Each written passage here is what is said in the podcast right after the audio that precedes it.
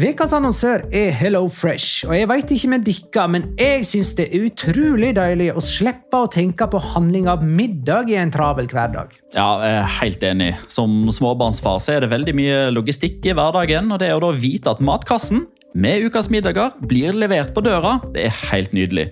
Da slipper du impulskjøp på butikken når blodsukkeret er lavt, og når du kommer hjem, kan du bare ta ut posen med dagens ingredienser fra kjøleskapet og sette i gang matlaginga. Ja, Du kan velge mellom 25 ulike retter hver uke. Og de har faktisk en egen kategori som heter Raskt og enkelt, med masse enkle og gode oppskrifter. Veldig greit å ikke måtte ty til takeaway hver gang det er hektisk på jobb. Jeg gleder meg spesielt til sterk chilikylling i min neste kasse. Jeg blir sulten bare av å tenke på det. Ja, Det er ikke feil med bacon og cheeseburger heller, da. Og det som også er bra, er at matkassen koster det samme hver uke, som gjør det enklere å holde matbudsjettet. Ja, og så blir det ikke matsvinn heller, fordi du får akkurat det du trenger til hver eneste rett. Hello Fresh kan absolutt anbefales, og bruker du koden vår, LIGALOCA, kan du få opptil 1779 kroner i rabatt på de fem første matkastene hvis du ikke har prøvd Hello Fresh tidligere.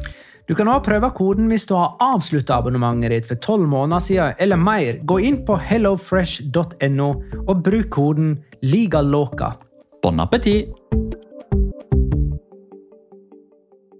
Hallo? Jeg kommer fra Oslo politikammer.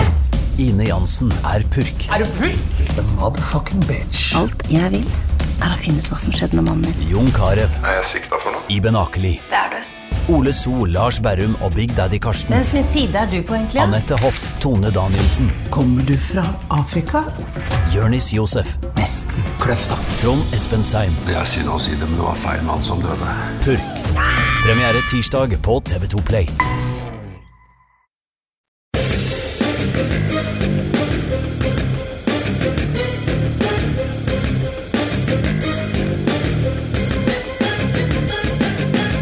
Har du sett? Dagen før Karim Benzema plukka opp sin første Ballon d'Or, var han igjen Real Madrid sin talisman da de vant sesongens første El Clásico. Det avslutta samtidig ei tung skjebneveke for Barcelona, der Xavi erkjenner at det var gøyere å dirigere midtbanen som spiller enn trener. La liga loca. En litt gærnere fotball. Ja, ja, ja, dette er La Liga Loca episode 222 av det ordinære slaget med Jonas Giæver, hei. Shalom in the home. Petter Wæland, hei. Hei sann på deg sann. Og Magnar Kvalvik, hei. Hallo, Magnar. Hei, Magna.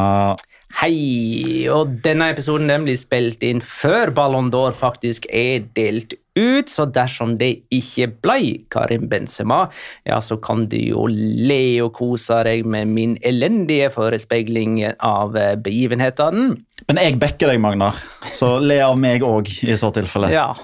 Jeg, jeg føler jeg nesten har blitt regissert til å ta eh, og gi Ballon d'Or til Benzema allerede i innledningen av dagens episode. Der vi skal snakke om El Clásico. Litt uh, Ballon d'Or, tydeligvis. Eh, litt superligapolitikk.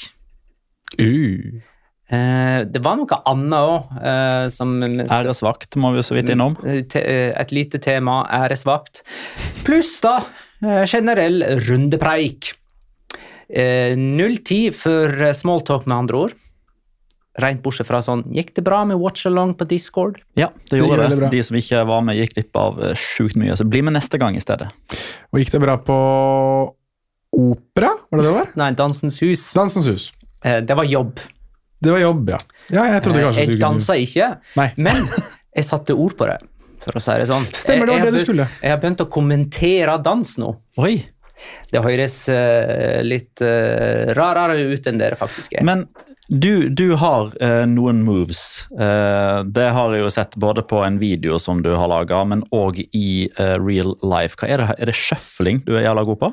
Ja, du er god på det. det veit jeg ikke. om Er det det shuffling det heter? Jeg er ganske sikker på at det er shuffling. Og jeg har sett Magna stå og shuffle på flyplassen i, i Valencia, og jeg husker jeg var sånn Faen, det er, det er bra! ass! Det Jeg tror du filma det. Jeg tror jeg har filma det òg. Ja. Men jeg tror du sto og gjorde det, og så filma jeg det fordi du gjorde det. Jeg var imponert over at du gjorde det.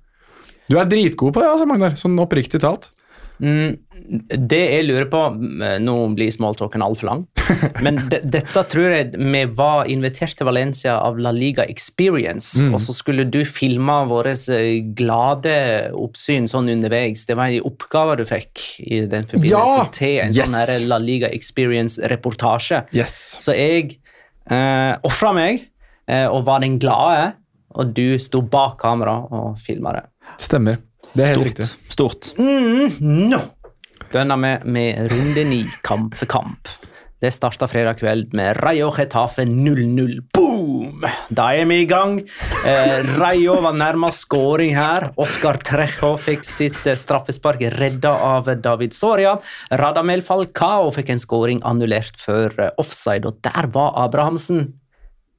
Han var ikke på kampen, ja. Var ikke det han som var der? Jo da. Jo, eh, han fikk hipster eh, av ti hipsterpoeng Mm. for oppmøtet, og 0-0. Spesielt 0-0. Mhm. Girona Cádiz 1-1. Det var første gang disse to lagene møttes i premiera, faktisk. Alex Fernandez sendte Cádiz i ledelsen. Stuani utligna på straffe i det tolvte overtidsminuttet. Valencia Elche 2-2. To mål av Edison Cavani. Eh, Men han må skåre mer enn som så om Valencia skal slå Elche, for der skåra nemlig Peremia to mål, og begge skåra ett i åpent spill og ett på straffe. Mallorca-Sevilla 0-1. Da vant altså endelig Sevilla en kamp igjen. De står nå med to uavgjort, uavgjort og én seier under San Pauli. Godelj av alle ble deres matchvinner med en utrolig skåring. Atletic Klubb Atletico Madrid 0-1. Antoine Griezmann matchvinner etter målgivende fra Morata for Atletico. Dermed gikk Atletico forbi Atletic på tabellen og er nå nummer tre. Celta Vigo, Real Sociedad 1-2. Battle of the North. Winter is coming. Alexander Sørloth mot Jørgen Strande Larsen. Ingen av dem skåra. Eh, Det gjorde derimot Iaramendi for første gang på over fire år. Eh, Real Sociedad nummer sju strake seire. Hvem var det som skåra, sa du? Iramendi, Iramendi. Oh, ja. Iramendi. Mendy? Eh, Real Madrid, Barcelona 3-1. Benzema, Valverde og Ryd Rodrigo med skåringa for Real Madrid, som er tilbake alene på tabelltoppen. Eh, Det var en ganske tidlig kamp eh, på søndag for å tilfredsstille kinesere. Eh, Español Valladolid 1-0. Sørkoreanerne, da? Japanerne? Ja, jeg tror det er ikke det kinesiske markedet som skriker høyest. De på Fiji? Ja, Australia India. og alle de der i Øst-Asia. Jeg, jeg regner med at Det blir jo bare verre. Jo, jo, men også regner jeg med at den neste El Clasico går på kvelden for å tilfredsstille søramerikanerne. Helt riktig. Ja. Hva med nordamerikanerne? Eh, De bryr ikke seg. Nei. Jo, det gjør de, altså. Español Valladolid 1-0. Español sin første hjemmeseier for sesongen. Deres andre totalt. Joselo ble matchvinner, men det er så selvsagt at det trenger vi ikke å nevne. Real Betis Almeria 3-1. Betis har vunnet alle sine fem heimekamper. To mål av William Car eh, Carvalho her. Og dermed vant altså både Atletico, Betis og Real Sociedad, som alle står likt på poeng på tredje, fjerde og femteplass. Og så er Atletic bare to poeng bak der igjen. Kampen vi ikke har sett denne gangen, eh, overraskende nok eh, spiller Villarreal eh, mandagskamp mot Osasona. Slår meg som en sånn fin kamp som jeg kunne faktisk ha sett. Så det blir vel litt sånn, da. Hæ? Nei, jeg sa det, var åt, det er åttende på niendeplass, så det er uh, overraskende høyt. Jeg hadde liksom forventet at vi skulle få noe, Ja, at ikke dette var mer sånn eh, 16. mot 17. plass. Helt Ja. enig. Helt enig. noe sånn møkkagreie.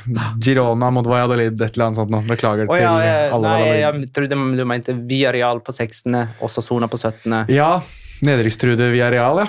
Som du tipper på fjerdeplass? Det, jeg, det var vel sagt litt med ironi, så kan du velge om det er eh, nedrykkstruet eller på fjerdeplass. Jeg er er ikke ironisk. Akkurat nå, midt imellom. Ja, ja.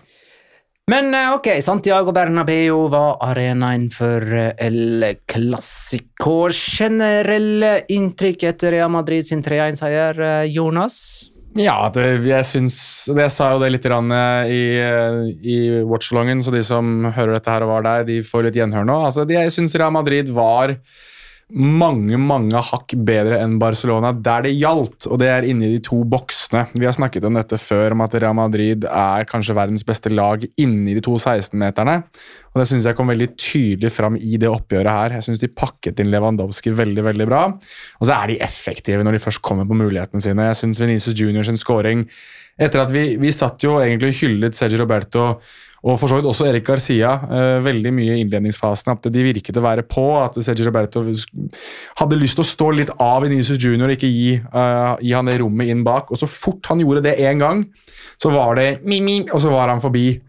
Uh, og så endte det med at da Benzema skåra uh, på returen etter at uh, Marc-André Testegen hadde reddet Venezia Junior sin, sin, sitt forsøk. Så jeg syns bare at Real Madrid viser hvorfor de, de er Hvorfor de er Champions League-vinnere, hvorfor de kanskje seiler opp som favoritter til å vinne uh, seri, La Liga, og potensielt også Champions League denne sesongen. De er bare helt enestående i disse kampene her. Og Det er derfor jeg sammenligner de med Bayern München. I det at de er bare, altså de, de spilles 90 minutter med fotball, og så vinner Real Madrid på slutten. Sånn er det bare blitt. Så Der oppsummerte jeg den kampen for min del. Ja, altså, ser, det, Dette er jo sånn som jeg ser det, da. altså Fotballkampen isolert sett, hvis man ikke tar liksom, hensyn til eh, hva slags spillere som er involvert, og hva slags dynamikk det var inn mot kampen, og mental styrke osv., så, videre, så er det jo ikke en kamp der det ene laget er to mål bedre enn det andre, syns jeg. Eh, Det er jo òg noen situasjoner her, noen nøkkelsituasjoner her som ikke nødvendigvis blir behandla likt, i form av at det er en straffesituasjon i begge bokser, Ja, er der den ene, en ender med straffe og den andre ikke ender med straffe. Den ene får dommeren beskjed om å sjekke på hva, den andre blir bare forbigått i, i stillhet. Så jeg syns ikke, jeg synes ikke sluttresultatet nødvendigvis forteller sannheten om hvordan fotballkampen var, men jeg er helt enig Jonas, i at Real Madrid var mye bedre i begge bokser. Eh, og de, de virker også som at uh, Ancelotti sitt Real Madrid naturligvis har kommet veldig mye lenger i prosessen med å vite hva de er gode på og hva de ikke er gode på, sammenlignet med Barcelona under Xavi, som fortsatt famler lite grann. Ikke blinde, for de har en klar filosofi, men de klarer ikke helt å skjønne når den uh, spiller til deres beste, og når den faktisk bare er litt mer ødeleggende enn hva den gir. Eh, hjelp meg litt med den situasjonen eh, det ikke ble dømt straffe på. Levan, Lewandowski som i mine øyne blir løpt ned av Carvajal, og at det nødvendigvis ikke har så veldig mye å si at eh, han kanskje går ned litt lett, etc. Jeg mener at uh, hindrer Lewandowski vel så mye som Erika sier eh, Erik Garcia hindrer Rodrigo. Jeg syns, at, jeg, syns de, jeg syns ikke forskjellen på de to situasjonene er så stor til at den ene skal var, eh, la passere, og den andre så skal han tilkalle dommer til monitor. Det er poenget mitt. Jeg mener Enten så er begge straffe, eller så er det ikke straffe til noen. Mm, Ble dere litt overraska over at uh, videodommer kaller hoveddommer til skjermen på den Rodrigo-straffen? Både ja og nei. Altså Underveis når vi satt der, så, så tenkte vi jo at oi, var ikke dette her straffe? Eh, og så ser vi at det er stempling på, på, på tåspissen der, og så ser vi jo at han stopper, og da skjønner vi umiddelbart ok, nå, nå har VAR eh, bedt om at han ikke skal sette i gang, eller han må, stoppe spillet, her blir det straffe.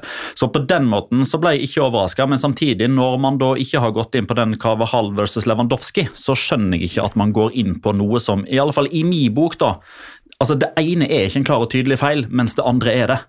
I min bok. Jeg er enig. Ehm, jeg tror bare For å ta den reaksjonen Jeg tror reaksjonen til samtlige nesten var jo på begge to begge situasjoner at det her er straffespark. Altså at begge, begge situasjonene skulle vært idømt straffe. Jeg, jeg skjønner frustrasjonen til Barcelona-supporterne veldig veldig godt. Eh, og jeg syns jo det er gøy å lese at eh, John Laporta visstnok ble så forbanna etter kampen at han gikk ned i dommergarderoben for han ville ha forklaringer. Og ble, ble fortalt pent at eh, du har å komme deg ut herfra. Han, han ble invitert til å forlate. eh, Ja, Det er fine begreper der. ja. På norsk, på norsk ville vi sagt 'pent bedt om å gå'. Eh, Anders M. Berg spør hva syns dere om de taktiske vurderingene til Xavi før og underveis i kampen? Det rare her er at jeg syns ikke han bommer så veldig taktisk, egentlig. Fordi jeg syns Barcelona leverer Altså Inntil Benzema sin scoring så syns jeg, synes jeg de leverer ganske bra. Ja. Jeg synes det er kult at de for prøver å la Erik Garcia forsere med ballen oppover i banen. De prøver å åpne midtbanen sin mest mulig for å kunne ha litt uh, jeg kaller det, posisjonsendringer osv. Jeg syns valget av Frenkie de Jong gir mening. Vi snakket jo om det med at Cross vokste seg jo enorm i den kampen her. Men innledningsvis så syns jeg han ikke helt virket å ha den dominansen, og det skyldtes i en del at det var mer dynamikk i Barcelonas midtbane, så jeg syns de valgte veldig riktig. Men så får de jo den derre Kall det Mike Tyson-uppercutten med at Venezia Junior uh, suser fra Sergio Roberto, og at de da må klatre opp uh, Real Madrid-fjellet. Så jeg, jeg, jeg syns at den første skåringen der den ødelegger egentlig absolutt alt som Barcelona bygget opp til. Um, så det, jeg, jeg, klarer liksom ikke å peke på én feil, også sett i, sett i lyset av at det er mye skader i det forsvaret til Barcelona. da. Ja, nei, Jeg syns heller ikke det er noen sånne åpenbare uh, greier her. Altså, Det er jo et garantert et medisinsk apparat her som òg har eh, si stemmer i det hele i oppbygginga til kampen her. Men jeg, jeg, begynner liksom litt å lure på når er det dags for at Ansu Fati skal få starta igjen? Hvor lenge skal de være forsiktige med han? Altså, har, har Barcelona, altså Min teori er jo at Barcelona allerede har tatt det for gitt at han skal til VM, og der får han Eh, etter deres mening da, kanskje litt for mye belastning. Og at derfor så tar de tar støyten på vegne av Ansu Fati nå da, ved å ikke la han starte. Fordi det ble egentlig sagt liksom, Helt i sesongstarten så ble, det, så, så ble det sagt at Ansu Fati skal fases inn. Uh, han, har, han, er kanskje redd for å bli skada igjen. Det er lett for en sånn ung spiller som går på smell etter smell etter smell, og, og være litt sånn reservert i dueller og kanskje tenke konsekvenser mer enn muligheter. Men altså, nå, nå er sesong, altså sesongen har vart i to måneder nå. Han var ikke med i forrige landslagstropp, selv om han ikke har vært skada noe som helst. Uh, og det er liksom I Classico, der du virkelig skal starte med ditt beste lag. Han kom på å være giftig òg, da. Nettopp! Ja. Men hvorfor spiller han ikke fra start? Det er det eneste ankepunktet jeg har. Men samtidig så vet eller Jeg antar jeg da at det er fortsatt en form for fysiske begrensninger der, da. Men Kondé har jo vært ute i tre uker. Spaserer rett inn i elveren, han. Ja, så er det vel det at den ene har vært mer skadeplaga sånn totalt sett i karrieren sin enn den andre. da. Så det er jo, De vet vel sikkert mer om kroppen ja, ja, absolutt, og det, det, er selvfølgelig stor respekt for det. Men på et eller annet tidspunkt der så må man liksom gamble. Skal man noen gang gamble, da? Så hvorfor ikke El Clásico? Eh, jeg koser meg alltid med tweetene til Pedrito Numeros eh, gjennom ei eh, La Liga-helg. Han kjører live facts for hver bidige kamp. Og noen av de live facts som han kommer med, får kanskje sånn én retweet og én like. Uh, mange av dem er veldig sånn hipster, tipper jeg. uh, men her er en eh, tweet ifra han som fikk ja, per nå over 1000 retweets og ditto med likes. denne fikk han oppmerksomhet for. Og det er apropos Xavi sine første 50 kamper som Barcelona-trener. Han har dårligst uttelling av alle de siste åtte etter trenerne eh, til Barcelona.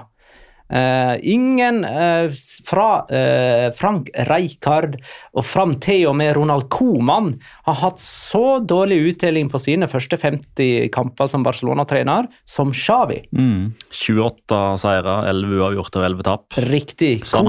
Coman, til sammenligning da, hadde 33 seire, 7 uavgjort og 10 tap. Ja. Men akkurat der det er vel ikke sammenlignbart, eh, sånn tross alt? Nei, ikke, ikke, direkte sammenlignbart, men samtidig så er det liksom sånn Skal vi, skal vi virkelig gi fotballklubb Barcelona, altså grandiose, svære, enorme klubb, fotballklubb Barcelona, den æren av å si at vi skal finne formildende omstendigheter fordi de har hatt skadeproblemer? Eh, jeg ja, mener eh, men, nei. Jo, men sant, eh, Ronald Coman hadde Lionel Messi, Xavi ikke. På sine første 50 kamper. Det er gøy å se de trenerne som har vært mellom der. Jeg, glemmer, jeg har faktisk et par jeg har glemt av de som um, eller altså, Ikke glemt, men altså, jeg måtte ha en forfrisking her på et par av dem. Sånn som Tata Martino, for eksempel. Han var jo Barcelona-trener, han. Ja. Vant jo en Supercopa. Og um, Luis Men, Henrique, men, men, selvfølgelig. men det, må, det må sies, da, en, en liten sånn digresjon her. Uh, Setien nådde jo ikke 50, så han var jo kanskje litt dårligere da. Jeg vet ikke. Det var faktisk. godt poeng. Ja. Så, Ikke. Ja, du, ja, dette gjelder bare trenere som faktisk eh, nådde 50 kamper. det er det riktig. Husk det Han hadde jeg glemt. Kike Setien fikk, eh, fikk sparken fordi Barcelona hadde fått uh, kloa i Ronald Koeman. Da skjønner du hvor dårlig Kike Setien var. Ja. Men vet du hva, da? Dessverre. ja, faktisk. Eh, men eh, det som akkurat nå da er den første replyen, som, som ligger øverst under tweeten til eh, Pedrito Numero, som jeg òg beit meg merke i, så jeg har den åpen her, det er Betis Stats, en egen statistikk for Betis. Her kommer ikke sett igjen forkjemperne. Nei, ikke nødvendigvis, men det som er litt morsomt, er at Xavi sine 50 kamper Nøyaktig samme statistikk som Betis sine siste 50 kamper. De har òg 28-11-11 på sine 50 siste kamper. Så Xavi har rett og slett gjort Barca like god som Betis. Eller har Emanuel Pellegrini gjort Betis like god som Barca? Den liker jeg enda litt bedre. Jeg liker den litt bedre. Men dette var jo skjebneveka for Barcelona. Det kan hende vi, vi trekker litt for for hasta konklusjoner i La Liga-sammenheng der. Eh, Å ja, de nå jo- trodde jeg du skulle ta et lite forbehold om Pilsen-poeng mot Inter. Uh, nei. Nei. Uh, vi var vel ikke forhasta når det gjelder Champions League. Eh, Der, Der er de ferdig. der er de nok ferdig. Men de har jo ikke levert. altså Vi har vel fått igjen bekreftelse på at dette Barcelona-laget er liksom ikke helt der oppe. Nei, altså Så når jeg møter de store laget, eh, og da inkluderer jeg Inter, som jo ikke har vært på sitt aller beste heller denne sesonginnledningen. De er nok i hvert fall mer sårbare enn veldig mange av de store og virkelig gode lagene. Altså, vi, snakket, vi har jo snakket om det før, at eh, dybden i Barcelona, altså kvalitetsstrekket mellom førstevalg og andrevalg, er altså det er et Niagara Falls mellom eh, de to innimellom. Eh, og det ser man jo spesielt på stoppeplass, da. Uten Araujo, så da er det Erik Garcia, da. Ja, for det jeg leser av kritikk i diverse analyser, og som jeg tror òg vi toucha innom i en sånn i vår Europacup-spesial forrige uke, det er at Barcelona er fryktelig dårlige på å, å omstille fra angrep til forsvar. Altså, De blir fort tatt på sengen når de mister ballen. Ja, det må jeg få og, og, ja, sorry, men, Nei, men sant, det var jo det som kjennetegna Barcelona før. At idet de mista ballen, så var jo Barcelona-laget rundt motstander som klegga med en gang og vant han tilbake kjapt etterpå. Ja. Femsekundersregelen ønsker de jo fortsatt å praktisere, men de evner ikke å gjøre det. Nei, men det handler jo også litt om at uh, personellmessig, altså spillematerialet deres, er jo ikke satt opp til å gjøre det. Altså, Pedri ok, Gavi ok, men Sergi Ikke Busquets lenger. Jeg syns heller ikke de Jong har forflytningsevne raskt nok Nei. de første sekundene. Bekken- Piquet har det ikke lenger. Nei. Jordi Alba har det ikke lenger. I alle fall ikke sammenligna med Balde. Lewandowski er jo ikke en type som du tror skal presse, kanskje. Han, skal vel, han kan jo for så vidt gjøre det òg, men Ja. Dembélé ja, da, Finja kan det, men de vi, vil, vil ikke. eller får ikke beskjed om å gjøre det. Og det, og det er litt derfor jeg begynner å peke litt grann på eh, altså, Vi har jo faktisk hatt en ganske forholdsvis lang diskusjon i discorden Ja, den, her. den vil jeg bare få sagt. Hvis du noen gang skal ha insentiv til å kjøpe deg tilgang til Discord, så se den der diskusjonen mellom Karel Bruckner og Valerij Lobanovskij som plutselig dukket opp inn i discorden der. Det er ja, Joking aside, det er en av de beste taktiske diskusjonene jeg har sett på et sånt nettfora på ganske lang tid. Og det får du ikke på Twitter, for der har du for få karakterer. Så gå inn i Discord. Kjøp deg tilgang. 100 kroner. Do it nå. Tolv seire og to uavgjorte på Real Madrid. Så langt eh, holder de seg ubeseira før eh, La Liga tar pause i november-desember. Uh, er det noe vi skal ha som ball prediction på når det, det første tapet kommer? Ja, vi kan det. Eh, I La Liga. I La Liga. Altså jeg mener, De kan jo fort tape en av de siste Champions League-kampene sine i gruppespillet nå, eh, Ja. som de allerede er videre. Um, ok, jeg tror eh, det første tapet kommer 21. januar mot Atletic på San Mames. 21. januar eh, Shit, dette burde jeg ha skrevet opp. Uh, 21. januar Atletic på samme mes Nei, det tror ikke jeg. Jeg tror uh, deres første ligatap kommer 21. mai på Mestalla mot Valencia. Runde 35 der, altså. Ehm, jeg får være litt ball prediction, jeg òg, da. Ehm, jeg tror det første tapet til Real Madrid Jeg må finne serierunden, den forsvant plutselig for meg. Kommer i serierunde Søren ble den av her. Jeg hadde det oppe. Skal vi se, to sekunder. Jeg kan jo bare Ehm, si da at Fire av de fem neste serierundene til Real Madrid er jo tolv poeng. eh, sånn i utgangspunktet. De møtte Elche, Girona, Rayo og Cádiz. Og så har du en hjemmekamp mot Sevilla som av og til, av og til klarer å skape litt grann trøbbel, der du kanskje da har en San prediction Pauli er at i serierunde 11 mot Jorge Sampaolis Sevilla lørdag 22. oktober så taper Real Madrid. På Ramón Sánchez Pijuan? På Santiago Bernabeu. Nei, det skjer ikke. Om fem Eh, dager der, altså. Enten mai eller om fem dager. Om fem dager. Jorge Sampaoli. Ja, jeg skal eh, 62 år gamle Ikke Jorge Sampaoli skal klaske Real Madrid veggimellom. Eh, ja, Ballon d'Or til Karim Benzema, eller skal vi, skal vi gratulere han med den? Ja, det må vi jo. Altså, Ja, eh, per nå, ja. hvor, hvor langt er Ballon d'Or-kåringen kommet? Det, det kan Jonas eh, finne ut av, for det er han veldig flink til. Eh, Men det som gjør meg sikker på at eh, Real Madrid-spiss Karim Benzema vinner Ballon d'Or, er jo at Real Madrid TV for første gang siden 2018 har valgt å vise sendinga. Det, har de ikke, det gjorde de ikke i 2019, og så ble den jo avlyst i 2020. De gjorde det ikke i 2021, for de får selvfølgelig vite dette her på forhånd. Eh, Så de sendt, der har du det sikreste tegnet. Og de har sendt Courtois og Benzema. Så Courtois vinner vel denne eh, Er det Lev Yashin-prisen der, er det ikke det? Um, Beste keeper. Beste keeper. Nei, de har kommet nå til uh, nummer 21. Uh, det er 30 nominerte igjen, og de er nå eh, annonsert hvem som kommer på 21.-plass. Og det var Skal jeg ta kjapt, da? De som er delt 25, er Darwin Núñez, Christopher Anconco, Joshua Kimmich, Antonio Rudiger, Mike Magna og Joao Cancelo. Uh, delt 22.-plass Bernardo Silva, Trent Alexander Arnold, Phil Folden. Og på 21.-plass i ensom majestet Harry the Canester Kane. Ja. Big Daddy Kane. Neimen, det er greit. Morgan Kane. Skal vi prøve å tippe topp tre, da? Kane the Undertaker. Hm? Skal vi Ja. tippe topp tre? Ja, det kan vi godt. Eh, min er én Benzema, to Sala, tre Mané. Ja, så du tok, den, du tok fasiten, da, med andre ord? Det vet ikke jeg. Den kommer ikke før om uh, tre Nei, men timer. du snakket jo før vi gikk på her om at han derre Petty goal, ja. Ja, at Ja. han har allerede sagt at Mané kom på tabell... Eller på um, Ja. Pall- Så da hadde det vært litt dumt å ikke tippe gå det. videre! Eh, Jeg kan ta mine tre. Én bryr ikke meg. To bryr ikke meg. Tre bryr ikke meg. Skal jeg ta mine tre, da? Ja. Én Ronaldo, eh, to Zinedine Zidane, tre Pavel Nedved. Flott. Uh, det, Fire Milos Krasic. Sånn.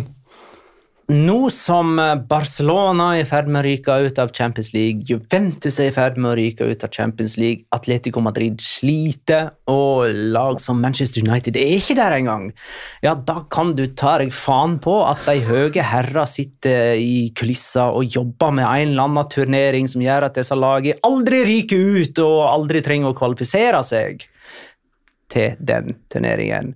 Eh, man kan kalle det noe sånt for eh, Superleague. Eh, og for de som tror at det bare forsvant og fordufta med den protesten, var det i 2020? Eller var det 2021? 2021, vel. April 2021. Det var vel i fjor, ja. Eh, Det gjorde ikke det. Eh, Det nye Champions League-formatet legger litt mer til rette for storklubber å kose seg, men man må likevel kvalifisere seg til, til den, og, og det liker ikke sånne storklubber som har lyst til å bestemme litt mer. Så tror meg nei, Superleague-planleggingen den foregår på et eller annet vis, en eller annen plass, blant noen. Eh, men har vi noe nytt å fortelle der, da, Petter? I Eh, en ja. sånn apropos til det. Ja, sånn, sånn indirekte i alle fall. fordi det som, eh, det som skjer i Spania i dag, da, er jo at det er et, eh, et veldig veldig viktig møte eh, mellom La Liga og eh, kultur- og sportsministeren og hans eh, departement. Eh, For det som er bakteppet her, det er La Liga som er innkalt til, til, dette. og Bakteppet her er jo at de mener at, eh, at det som skjer i det politiske landskapet i eh, Spania nå, der det jo er Partido Popular, altså PP, som har overtatt styringa nå, de er jo støtta godt, godt opp under, og omvendt, med Florentino Perez. Hvem er sjokkert over at han trekker i trådene sjøl der? Eh, Men det som har skjedd, da er jo at eh, La Liga har jo hatt eh, en lovendring inne i La Ley del Deporte, altså sportsloven, som sørger for at de har de rettighetene som de mener at de trenger for å kunne styre spansk fotball videre. Og Blant de tre tingene som, som har vært veldig viktige der, er jo at en del av makten som de har, er jo f.eks. å kunne utestenge klubber som starter en superliga typ Real Madrid, Barcelona, Atletico Madrid, for å ha pressmiddel der. Uh, og de har òg da, mulighet altså på, på samme måte som at Premier League har uh, samarbeida med myndighetene i Storbritannia og har sørga for at det egentlig er, det, det er ikke lov uh, etter lov eh, å, bryte ut av, eh, av Premier League uten at man får straff for det. Um, I tillegg så har jo La Liga da muligheten og eh, fullt ansvar for å selge TV-rettigheter og sørge for at de skal maksimere inntekter osv. F.eks. reise til USA og spille. Det har jo La Liga forsøkt ganske lenge, mens eh, det spanske fotballforbundet først sier nei, og så sender Supercoppa-finalen til Saudi-Arabia. Eh, og den altså Leide de Deporte, som La Liga fikk sånn som de ville ha den under det forrige styret, det har nå blitt endra av Partido Popular. Og La Liga og deres klubber mener at det er én mann som står bak det, og det er Florentino Perez. Så nå har La Liga snart bestemt seg for å sette hardt mot hardt. At enten så blir La Leide Deporte flytta tilbake igjen sånn som den var, eller at det foretas endringer som gjør at den makten går tilbake til de. Hvis ikke så blir det streik. Eh, Så der er det politiske landskapet nå at eh, etter tre-fire år uten at vi har hatt denne streiketrusselen hengende over, som jo egentlig har vært ganske vanlig for oss som har dekka La Liga de siste 15 årene. Det har jo vært streik et par ganger, og det har vært trua med streik veldig mange ganger, men nå er det lenge siden. Men nå er det igjen fare for at, eh, for at det blir streik, om ikke La Liga-klubbene får det som de vil. Så Det som egentlig skjer her, det er at La Liga er jo interesseorganisasjonen. Det er, typ, det er NTF her i Norge, Norsk Toppfotball, som sørger for å forvalte rettighetene til norske klubber på best mulig måte. Det er jo det som er La Ligas jobb. Sørge for at de får masse inntekter osv. Der er det nå internt en krig mellom nesten alle klubbpresidentene mot til dels John Laporta og Enrique Cedeso pga. at de støtter Superligaen sånn i utgangspunktet, men primært mot Florentino Perez. Eh, hvem er det som det går i streik, i så fall? Det- La Liga. Ja øh, oh, ja. Eh, Så da Liga- går egentlig Real Madrid og øh, alle i streik, da.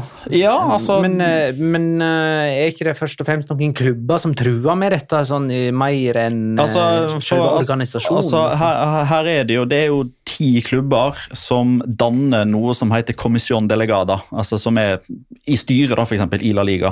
Der er det Atletico Madrid, Levante Delegasjonskomiteen, basically. ja. Atletico, Levante, Sevilla, Betis, Real Sociedad, Cádiz, Retafe, Villarreal, Tenerife, Alaves, Eibar, Las Palmas, Logo og Uesca sitter i det styret sammen med Javier Tebas. Hvis de trumfer gjennom dette, så må Real Madrid, Barcelona og Atletico Madrid forholde seg til det. Så hvis La Liga-styret kommer fram til at vi streiker hvis vi ikke får det som de vil, så må Real Madrid føye seg etter det. Og det som da er teorien her, er at hvis Real Madrid, Barcelona og Atletico Madrid form, er med å forme Superligaen, så kan de da i teorien bli tuppet ut av La Liga. Ok, eh, tilbake til eh, fotball, skal vi se. Jeg har jo jeg har glemt en nei fra Ørjan.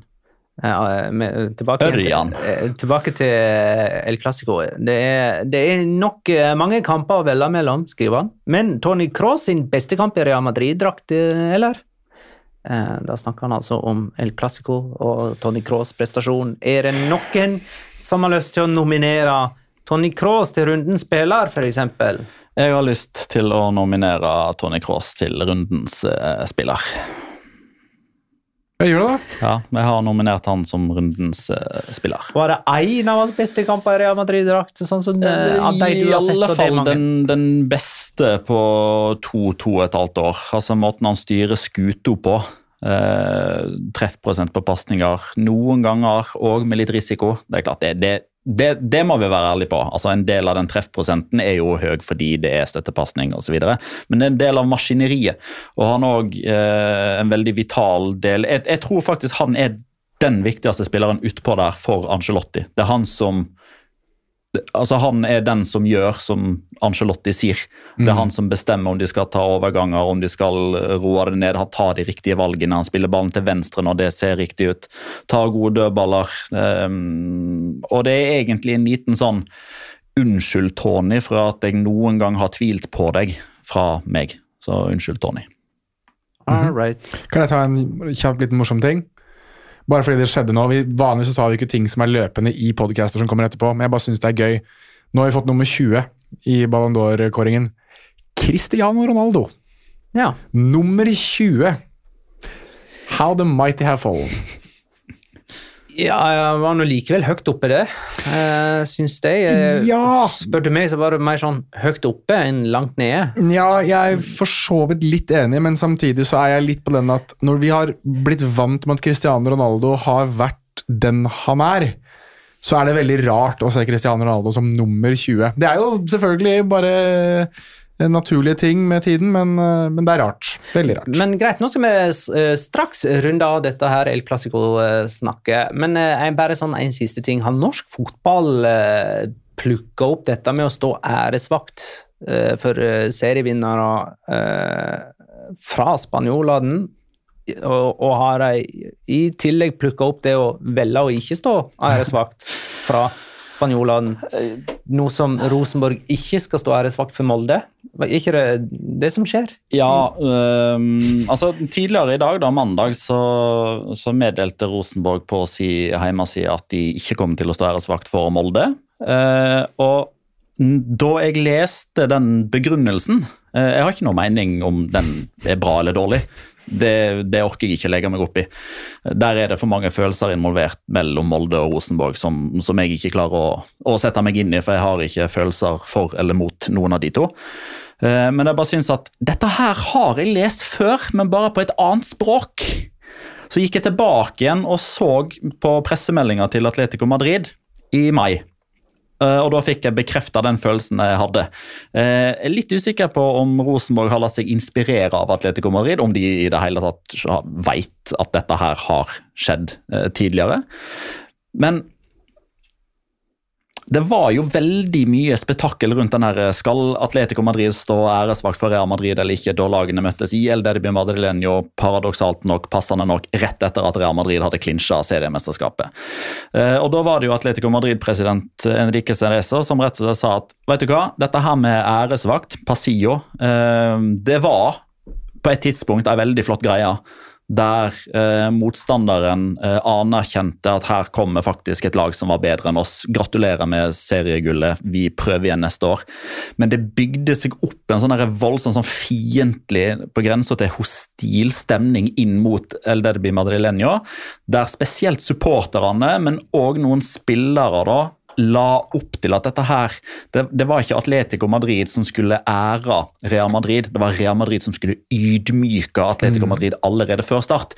Og der tror jeg kanskje noen Molde-spillere kanskje har valgt litt feil ord, eller sagt det på litt feil måte, etter at de ble seriemester nå mot, eh, mot, eh, mot Lillestrøm. For det, nå har ikke jeg hørt alle intervjuene, det kan godt hende det er tatt litt sånn ut av kontekst osv., men det jeg så på, på Discovery Plus og på Dplay, det var jo mer sånn ha-ha, og så kommer Rosenborg til helga, og de skal stå æresvakt for oss. Det var liksom, virka som at jeg var vel så glad for det som å ta selve gullet. Og sånn sett så kan jeg ha litt forståelse for at Rosenborg da mener at ja, men altså, dette her må stå æresvakt. altså Det blir jo bare skittkasting. altså Vi skal jo bare bli ydmyka. Hvorfor skal vi være med på det når det ikke er et etablert eh, greia. Fordi i Spania så går dette her ti år tilbake igjen. Mens det er ikke så vanlig i norsk fotball ennå. Nei, jeg trodde ikke det var en etablert ting. der, Det, nei, ikke nødvendigvis en etablert ting, men, men det som må høre til historien her, er jo at Rosenborg sto jo faktisk æresvakt for Bodø-Glimt i 2020 og tapte så det sang etter, og fikk en ganske sånn syrlig tweet fra Bodø-Glimt etterpå, der typ 'takk for at dere sto æresvakt, men dere trengte jo ikke stå i 90 minutter'. Så det er kanskje det de ikke vil skal skje igjen. Det er jo misbruk av den æresvakt-tingen, faktisk. Men eh, ja, jeg syns det var morsomt, jeg. Ja, Det var en god tweet, det var det. Det, da går vi videre til Atletic Atletico. 0-1 på San Mames. Grismann altså matchvinner. Um, og Alexander Larsen skriver Atletico har nå, nå vunnet borte mot Sevilla, Atletic, Valencia og Getafe. I tillegg har de spilt uavgjort på Anueta. Undervurdert sesongstart.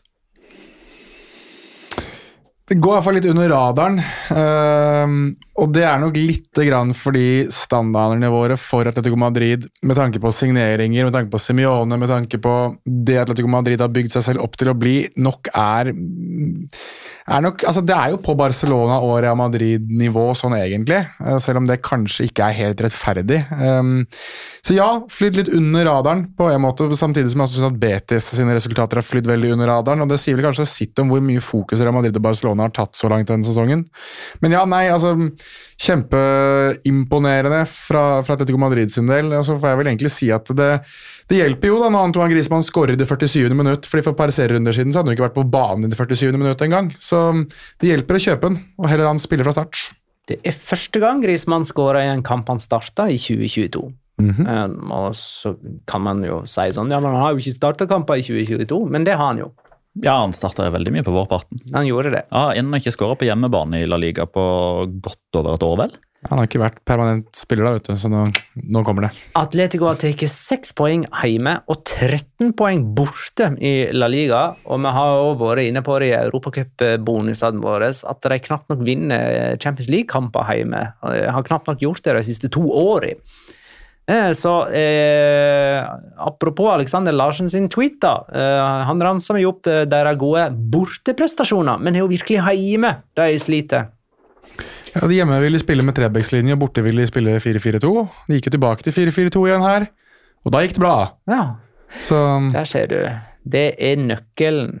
Jeg, altså Helt oppriktig talt, jeg mener at det er veldig mye av nøkkelen til en del av disse spillerne her. altså Det å være nonstop, kaste masse nonstop på veggen-formasjon til eh, Diego Simione kontra det kjente 4-4-2. Vi spiller på denne måten, vi er kompakte, vi er tette, vi tar de sjansene vi får, vi er gode på dødball, vi er gode i begge bokser, som vi var inne på med Real Madrid. Vi snakket jo om det, Petter, under watchalongen, at eh, nå har jo Real Madrid har jo blitt rikmannsutgaven av Atletico Madrid 2013-2014. Hvis Atletico Madrid har litt lyst til å kanskje bli litt seg selv igjen, da, bli litt mer i 2013-2014, så kanskje de vinner litt flere fotballkamper. Og det er noe sånn litt deilig, litt sånn gjenkjennbart med at Atletico Madrid vinner 1-0. Og that's it. Ja, ja, ikke bare that's it, men det som òg er si, gjenkjennbart her, er jo at det blir delt ut seks eh, gule kort i denne kampen. Samtlige til Atletico Madrid. Eh, og det er for protester, det er for taklinger, det er for drøying av tid.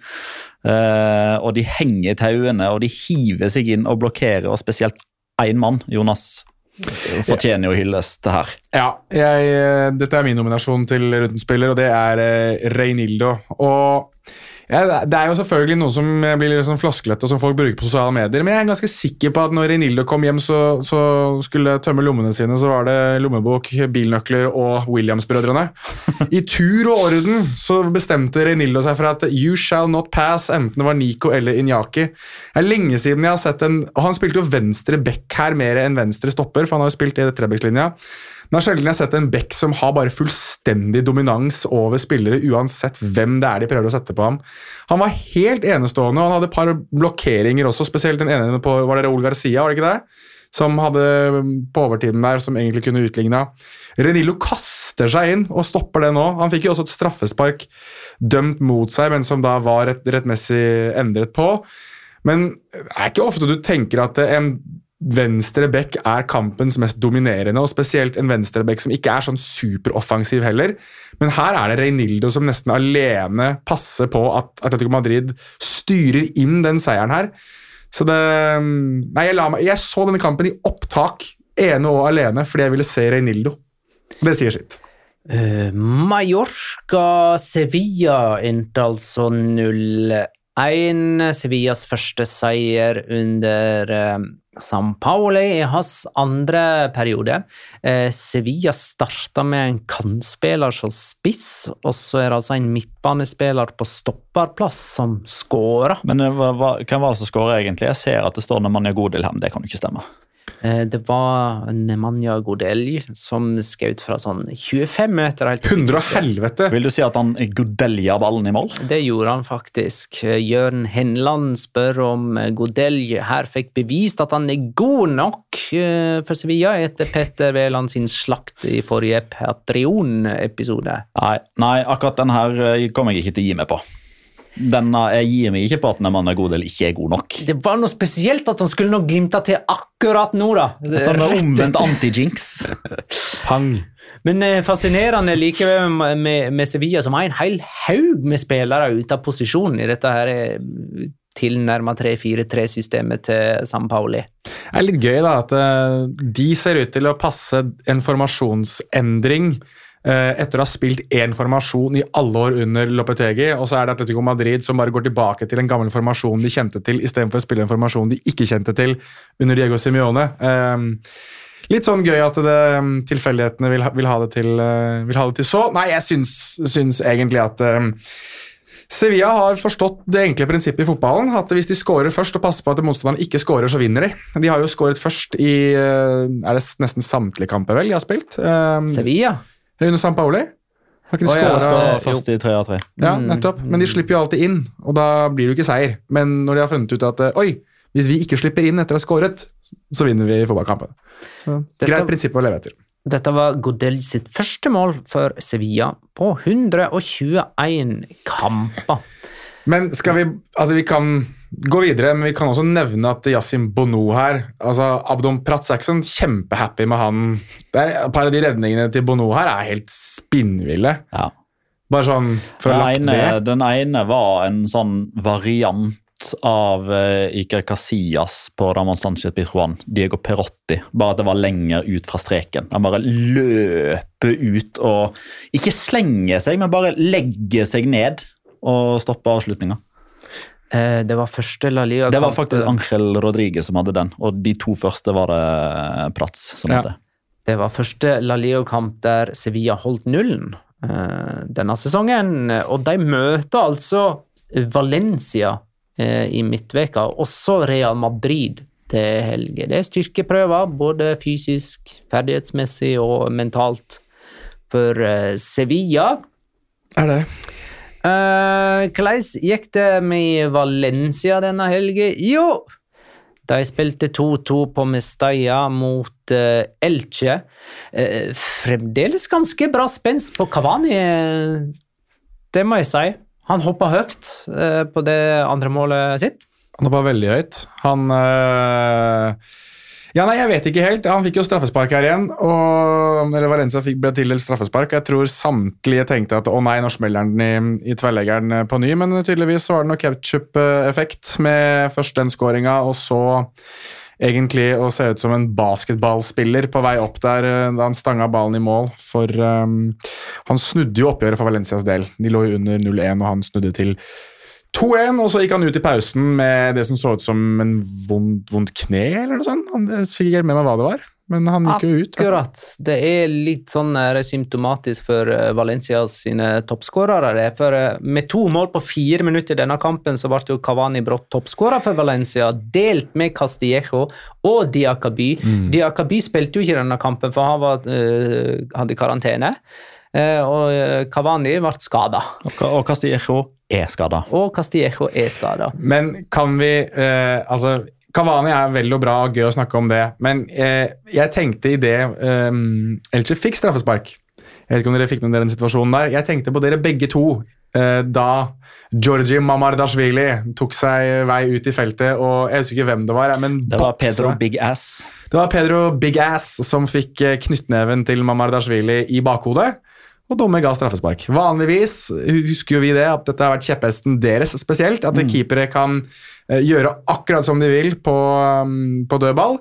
Det kunne ikke Mamardashvili, og her er det vel rimelig greit at det ble dømt et straffespark. Jo. eh, det som er greia her, er at det er så mye mer enn den knyttneven i, i hodet. For han, han, kjem, han fortsetter med hele kroppen, og over, det er et skikkelig overfall med hele kroppen eh, på Bigas. Han tok, han tok Det, det var liksom ikke bare knyttneven. Noen ganger så kommer keepere ut med knyttneve, treffer hodet på motstander, og det skjer ingenting. Men eh, her kunne man liksom ikke overse det. Det var liksom bare Knyttneve på big ass. Fista han big ass, ja. Eh, Elche sitt straffespark, som vi driver og snakker om nå, mens eh, Jonas sitter stolt over sin forrige vits. Eh, det var deres første straffespark denne sesongen. Siden de kom opp i premiera i 2020, så har de sjøl fått fem straffespark og 25 imot seg. Eh, Dette var for øvrig eh, første gang denne sesongen de skåra to mål i en og samme kamp. Jeg hopper videre nå. Nei. Fin flyt. Nei, vent litt. Vi snakker om en ganske stor dommertabbe her. Eller det må vi iallfall gjøre. Ja, eh, og for å eh, holde tråden varm, da. Elche har vært misfornøyd med dommeren, og det, har- det syns jeg de har hatt grunn til. Spesielt i 2022. Veldig mange sånne 50-50-situasjoner som sånn isolert sett ikke nødvendigvis har vært så veldig mye å snakke om, men de har alltid havna på feil side av mynten. Altså Har de ment at det var kron, så har det blitt mynt, og omvendt. Um, og I denne kampen her så får de jo da sitt første straffespark, det er jo helt riktig. Så tenker man jo kanskje ja, men nå, nå, nå må de vel være fornøyd med dømminga. Men nei da. Eh, Polito Santana, som for øvrig eh, har to betraktninger om han. Eh, eller Det første er jo et faktum. Eh, han dømmer La Liga for første gang denne sesongen. Åpenbart at han eh, kanskje har eh, litt sånn startvansker med å ja, eh, takla at det går litt fortere. Altså at eh, Det er jo selvfølgelig vanskeligere å dømme La Liga enn Segunda.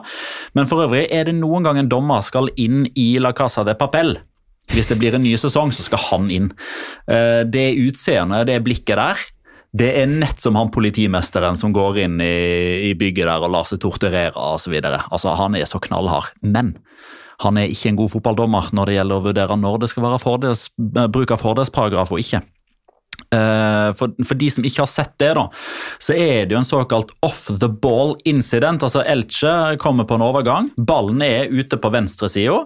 Og ti meter lenger inne sentralt så velger da Jonas Mosa å rive ned Pedemia, bare for å passe på at han ikke blir en del av, eh, av angrepet. Ballen slås inn i boksen. eh, til Ezequiel Ponce, er det vel? Nei, Nico Fernandes er det vel, som, eh, som, som er alene med keeper. Han skal, han skal bare avslutte fra fem-seks meters hold. Og hvis man fryser bildet akkurat der, så ser man at dommer har venstrearmen ute og indikerer Han har allerede indikert fordel.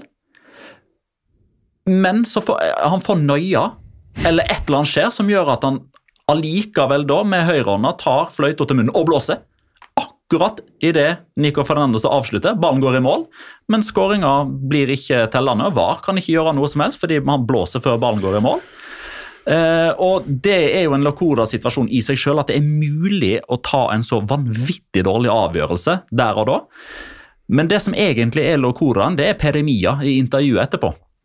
For her, her sitter jo eh, alle tabloide journalister og gnir seg i hendene og tenker her kommer skandaleoverskriftene. Nå skal det bjeffes noe så inn i granskauen. Tabelljombo Elche frarøver to poeng, nå skal vi godte oss. Nei da. Der står Peremia sitt Nei da, slapp av. Han, eh, han, han tok feil, og det vet han. Han sa det til oss etterpå at uh, han tok feil. Jeg syns, jeg syns litt synd på han. jeg. Han er jo tross alt bare et menneske. Vi gjør feil, vi òg. Så han er en eh, ny favorittspiller eh, i eh, La Liga for min del. Peremia for the win.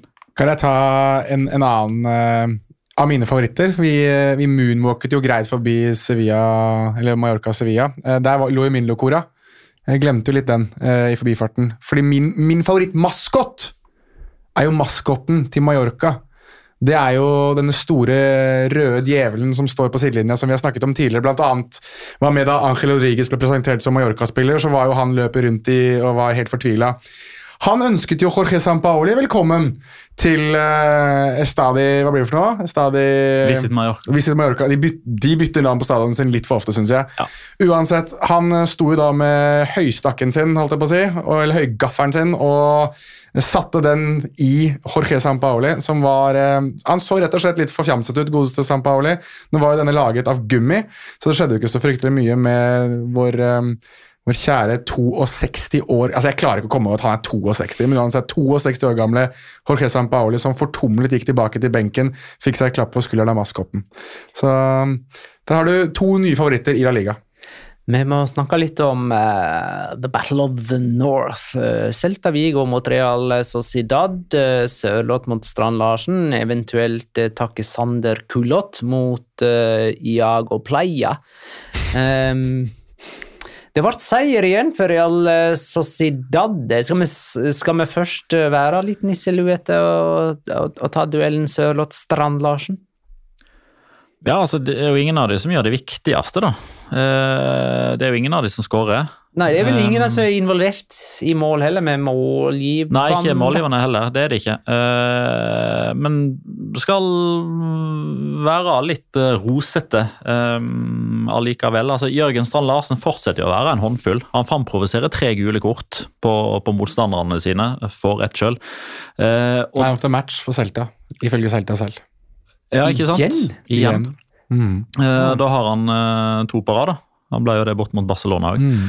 Eh, og det er litt sånn Selvfølgelig, det har ikke gitt seg utslag enda på resultatene. Så, sånn, vi kan liksom ikke snakke om en Jørgen Strand Larsen-effekt, men du skal ikke undervurdere effekten av å ha en sånn type ved siden av Jago Aspas. Fordi når motstanderne etter hvert er nødt til å begynne å ta hensyn til at de faktisk har gult kort, som ganske mange av motstanderne til Jørgen Strand Larsen nå får fordi han er så vanskelig å stoppe, både feilvendt og rettvendt. Han er så stor, han er ganske rask, han beskytter ballen bra, og ikke minst da han er en spiller som, som veit å bruke det til sin fordel. Sånn sett så passer han perfekt inn i Spania. Det med å forsøke å påvirke dommer ved å gjøre de riktige tingene, falle på riktig måte, skrike litt når han blir truffet og, og være en sånn liten oppvigler. da.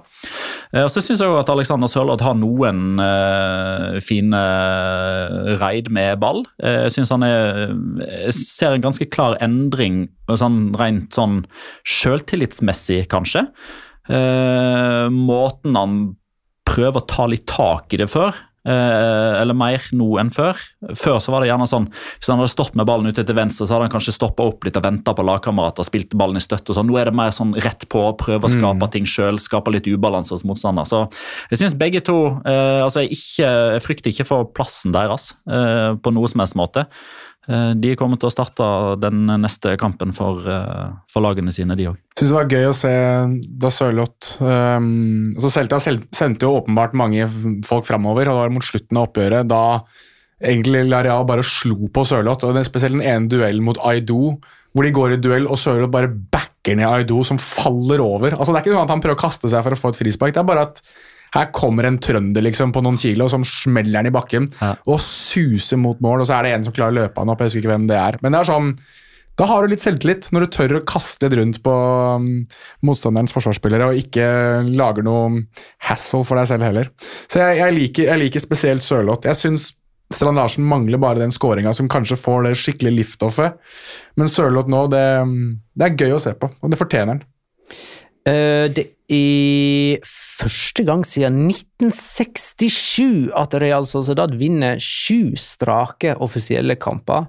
Og det er òg første gang siden 60-tallet at de skåra i alle sine første 13 offisielle kamper for sesongen. Og Felles for de to rekordene var at da spilte de i sekunder, så da var det mye lettere for de å gjøre det.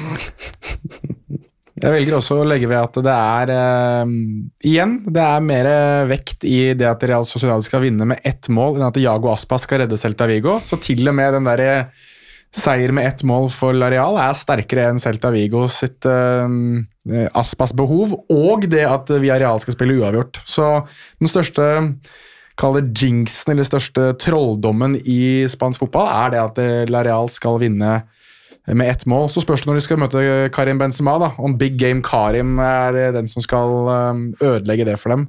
Vi har noen sånne jinxer og noen sånne trolldommer i spansk fotball, men den sterkeste er La Real. Betis Almeria endte 3-1. Betis har da starta sesongen med seks seire, én uavgjort og to tap. Det er deres beste sesongstart siden 1934. Og hei, hør her, da. De har bare sluppet inn seks mål på ni kamper, altså mindre enn ett baklengsmål per kamp. Og før Pellegrini tok over eh, Betis, så hadde de altså sluppet inn over 50 mål i ti strake primærsesonger. Ja, mm, ja. Har, eh, har vel blitt nevnt av eh, oss alle, egentlig, at Manuel Pellegrini kanskje er den mest undervurderte treneren i spansk fotballs historie. Kanskje en av de beste jeg, i gamet sitt òg. Jeg sy- syns han er Ja, vi sa jo det. At han er eh, for meg tidenes beste La Liga-trener. Og- Det står jeg på. Og Borja Iglesias han skåra jo eh, det ene målet i denne kampen for Betis. Han har sju mål på ni. Det er altså likt med eh, storskåreren til Spanjol, Joselu, og det er bare Lewandowski som har flere i La Liga så langt, med åtte. Så man skulle jo egentlig tro at Spania hadde, var godt forspent på spissplass med Iglesias og Joselu. Og... Men så er det Aspas. og- Ja, Aspas, og så er det Morata, eller ja, en eller annen random. Thomas, nei. Um, Den, men den skåringa til um, Borja Iglesias var assistert av Joaquin. Yay! Assist nummer 100 i La Liga for hans del. Tidenes nest eldste spiller med målgivende pasning i Men der må du inn med en Asterix. eh, Hva det betyr? Du må fortelle historien bak den som er nummer én. Ja, det er han derre Low. Det er Harry Low, var ikke det han het? Eh, det var et eller annet med at han egentlig ikke var spiller, men så måtte han inn på eh, Ja, altså Han var jo Real Sociedad-trener, 48 år gammel, og måtte inn og spille eh, fordi det var noe Om det var streik eller om det var noe sykdom eller noe fly som ikke nådde fram, eller et sånt, det aner jeg ikke. Men det er jo en sånn der, det er en rekord som er en rekord, men det er egentlig ikke en rekord. Og som er helt uslåelig, med mindre Angelotti plutselig må hoppe inn og Eller 62 år gamle Jorge Sampaoli. Ja, han har jo Ja, han kan jo. Faktisk gjør det. Ja, faktisk. Eh, men uh, det er jo da altså uh, Han er jo da den sjette spilleren som når et, tresifra antall assist i La Liga. Eh, de siste 40 årene blir det jo presisert, fordi man talte ikke målgiverne på 30-, 40-, 50-, 60- og 70-tallet. Tar dere de fem andre? Eller de fem første? Skal vi prøve? Er det, spillere, er det fem spillere som vi alle vet hvem er? Og eh, fem spillere som har tresifra mål, antall målgivende. De siste 40 år i La Liga. Lionel Messi og. Cristiano Ronaldo. Nei, Cristiano Ronaldo er ikke så mange. Iniesta? Nei. Nei, han hadde ikke så mange, han. Um, Rivaldo? Nei. Luis Figo? Ja. Zidane Nei. Um, var ikke så lenge, han. nei, han var ikke det. Så vi har Figo og Messi. Dere har Figo og Messi, eh, og eh, to av de var på Santiago Bernabeu på eh, søndag. Men, Daniel Alves? Daniel Alves, ja, han var på tribunen. Ja, for jeg tenkte, det her er den lurespørsmål. Men, men uh, Jordi Alba? Nei. Uh, Modric? Nei. Nei. Kan ikke, Modric kan ikke være der. Vi har snakka vi nei, vi har snakket mye om han tidligere i episoden. Benzema? Ja! Oi! Trodde han bare skapte rom, ja. Og han som er på andreplass, altså Messi har 193. altså Det fins forskjellige måter å telle målgiverne på. Dette er Mr. Chip sin statistikk. Messi 193 på førsteplass. Tredjeplassen er Daniel Alves med 104. Og midt imellom der ligger en mann hvis uh, uh, hashtag har blitt nevnt ofte i denne podkasten. Hashtag? Ja. Har denne spilleren her et eget hashtag? Med et spørsmål. Spørsmålshashtag. Mitchell? Yes, Har Mitchell fått sparken, da? Mitchell Gonzales, 147. Hei sann! Yes. Vi har Ja, ja. en runden spillernominasjon fra Real Betis Almeria. Det er min nominasjon, og det er selvfølgelig William Carvalho. Det er bare jeg som nominerer han, uh, selv om han er egentlig rundens spiller. Eh, her skårer han eh, to mål. Eh, vanligvis er jo han en slugger på midtbanen, vinner ofte ball eh, og bare fordeler han videre. Noen ganger så kan han faktisk finne på helt ut av det blå og drible fra egen banehalvdel eh, helt inn i motstanders eh, 16-meter, for så å beine ballen til himmels. Eh, men her hadde han faktisk eh, først en tap-in-skåring. Eh, og så en eh, Plutselig så var han eh, som en slags nomini, den eh, lengst framme hos eh, Betis. Eh, ble spilt igjennom av Iglesias, vel. og satte ballen i mål eh, fullstendig nonsjalant, for han trodde for det første at han var i offside, og for det andre at han skåra jo ikke to mål, og det kan jo ikke skje. Så når den skåringen ble eh, godkjent, så var han like overraska som alle andre. Eh, Så nominasjon til William Carvalho. Den andre eh, gangen, tror jeg, at jeg nominerer han. Etterpå, ja, det er du som nominerer han hver gang, ja. Ja. Tror ikke noen andre har det. Eh, kamper vi ikke har snakket om, vi kan eh, ta de litt sånn kjapt her på tampen. Eh, Rayo Vallecano Getafe eh, som endte altså 0-0. Det er verdt å nevne at det er første gang i 2022 at Rayo holder nullen hjemme. Eh, Strafferedning her også. Eh, David Soria eh, er den Getafe-keeperen gjennom primera-historien som har redda flest straffer, med seks. Guaita er nummer to, med eh, tre. Eh, dette ble kalla M45-derbyet, for det går en sånn motorvei i Madrid som går via både bydelen Getafe og bydelen eh, Vallecas. Hmm. Jeg vet ikke hvor sterkt det er vi får etablert M45-derbyet. Men en liten quiz her. Hvem av Rayo og Getafe har flest primera-sesonger bak seg? Jeg går for Rayo, jeg. Jeg tror det er Rayo. 20 på Rayo, 18 på Getafe. Oi, det er jevnere enn jeg trodde òg, vet du. Mm. Ja. Eh, skal vi se. Girona Cádiz endte 1-1, og Lukas Singdalsen Pettersen skriver fire strake kamper uten tap for Cádiz nå. Hvor hen skal dette ende? I sekunder. Rett ned. Eh, rundens tristeste annullering kom herifra. Eh, Cádiz-spiller Juan Cala klarte altså å brasse inn et sjølmål, men så fant videodommer ut at han ble dratt i trøya like før, og dermed så ble den annullert. Det var heller frispark til Cádiz. Må vel nesten si at det også er sesongens tristeste utligning. Kadis som endelig øyna en borteseier. Så tolv minutter på overtid. Altså tolv minutter på overtid! Det er nesten spilt én ekstraomgang. Så skal Christian Stuani, gamle straffehelten, fram for å skyte straffe. Og er det én mann du ikke vil skal ta straffe der, da? Altså, vi bor jo i et land der referansen og sammenligninger ofte går til England. Altså, Han er La Ligas uh, Ivan Tony på straffe. Ja, han er helt spinnvill på det. Og satte den i mål, og Cádiz mistet da to poeng. Eh, Husker du, Magnar, eh, etter tredje serierunde, eh, da møttes eh, Girona og Celta Vigo. Og Da kom Pedrito Nomoros med den fun facten om at det er det La Liga-oppgjøret som har blitt spilt med lengst avstand. Ja, det Ja. stemmer det. Da ble det en diskusjon mellom oss. Ja, Fordi ja, men Cádiz må jo være lenger unna. Men årsaken til at eh, Girona Celta Vigo på det tidspunktet var det La Liga-oppgjøret som ble spilt. Ja, på det for dette var første gang disse to lagene møttes! Så nå er det ny rekord. Ah. Girona Celta Vigo. Det, Ja, for de hadde jo ikke De hadde ikke møttes. møttes. Det var derfor. Nei, der var vi korttenkte. Men Men nå er dette altså vi var tidenes korttenkte, men vi hadde avstand. rett. Vi var korttenkte, men vi hadde rett. Men nå er altså dette tidenes største avstand i en primærkamp. Girona Ni- mot Cádiz. 990 km. 990 km. Da har jeg kjørt en liten omvei for å få 1000, altså. 990 km med fullstendig sorg for Cádiz, da, med andre ord. Ja. Eh, vi må kjapt innom eh, Español Valladolid, som altså endte 1-0 til Español, der Joselo ble matchvinner for heimelaget. Han har sju mål på ni seriekamper. Jeg tror jeg nevnte det her eh, tidligere. Han har skåra sju av Español sine tolv mål. Det er altså nesten 60 Eh, da kan jeg kjapt eh, ta min eh, locora, og da mm, Jeg kan jo ta denne fra Trond Simen Mundal Nesse. Som forventer at Burgos sin keeper blir nevnt for fjerde ordinære episode på rad. Ja, ja, men det blir han. Kaller vi han Choripi? Ah, vi gjør vel det, eller gjør vi ikke? Nei, vi, nei det er José Antonio Caro. Jeg, jeg, jeg er programforplikta til å kalle vedkommende for Caro, og det har noe å gjøre med Ja. min kjære. Men kan jeg ba- da bare kalle han José Caro eh, istedenfor José Antonio? Eh, Eller eh, er Blir, det for lang? Blir episoden for lang hvis vi sier José Antonio Caro? Choripi er ikke så dumt heller. José Antonio Caro, keeperen til Burgos, holdt altså nullen i de første ti seriekampene i Segunda.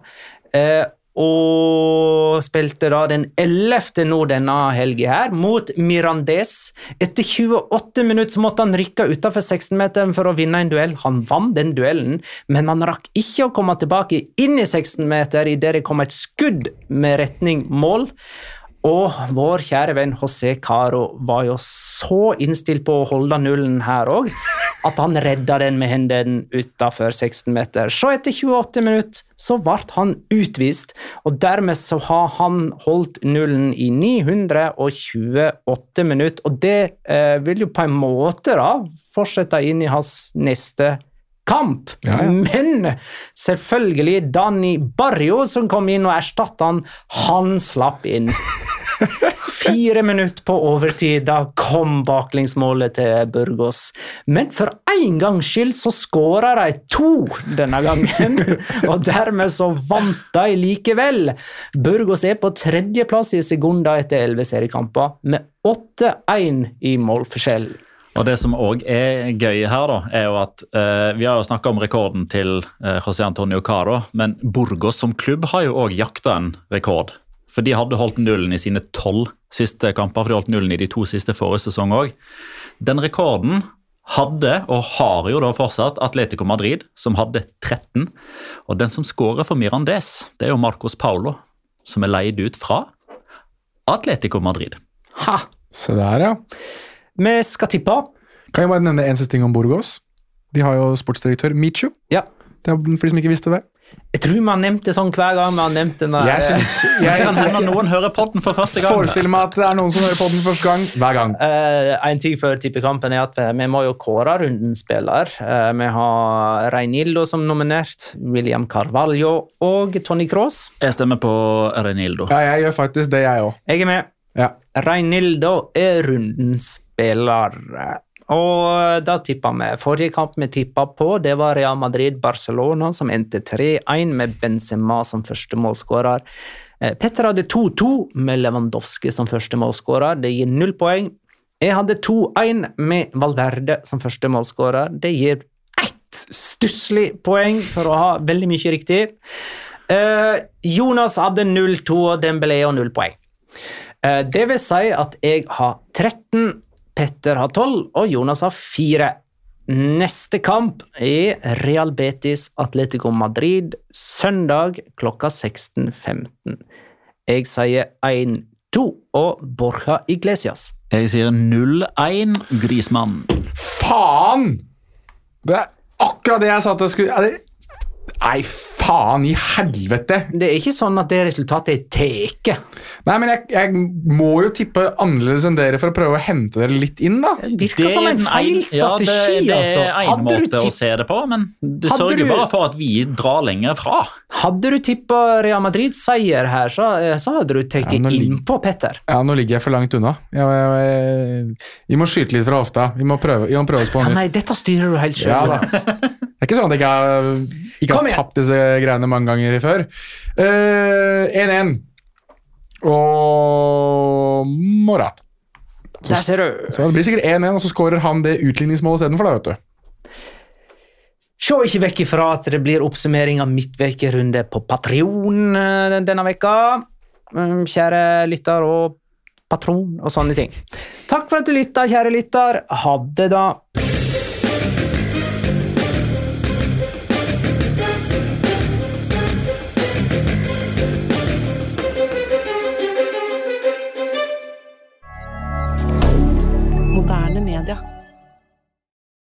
Har du et enkeltpersonforetak eller en liten bedrift? Da er du sikkert lei av å høre meg snakke om hvor enkelt det er med kvitteringer og bilag i fiken, så vi eh, gir oss her, vi. Fordi vi liker enkelt. Fiken superenkelt regnskap.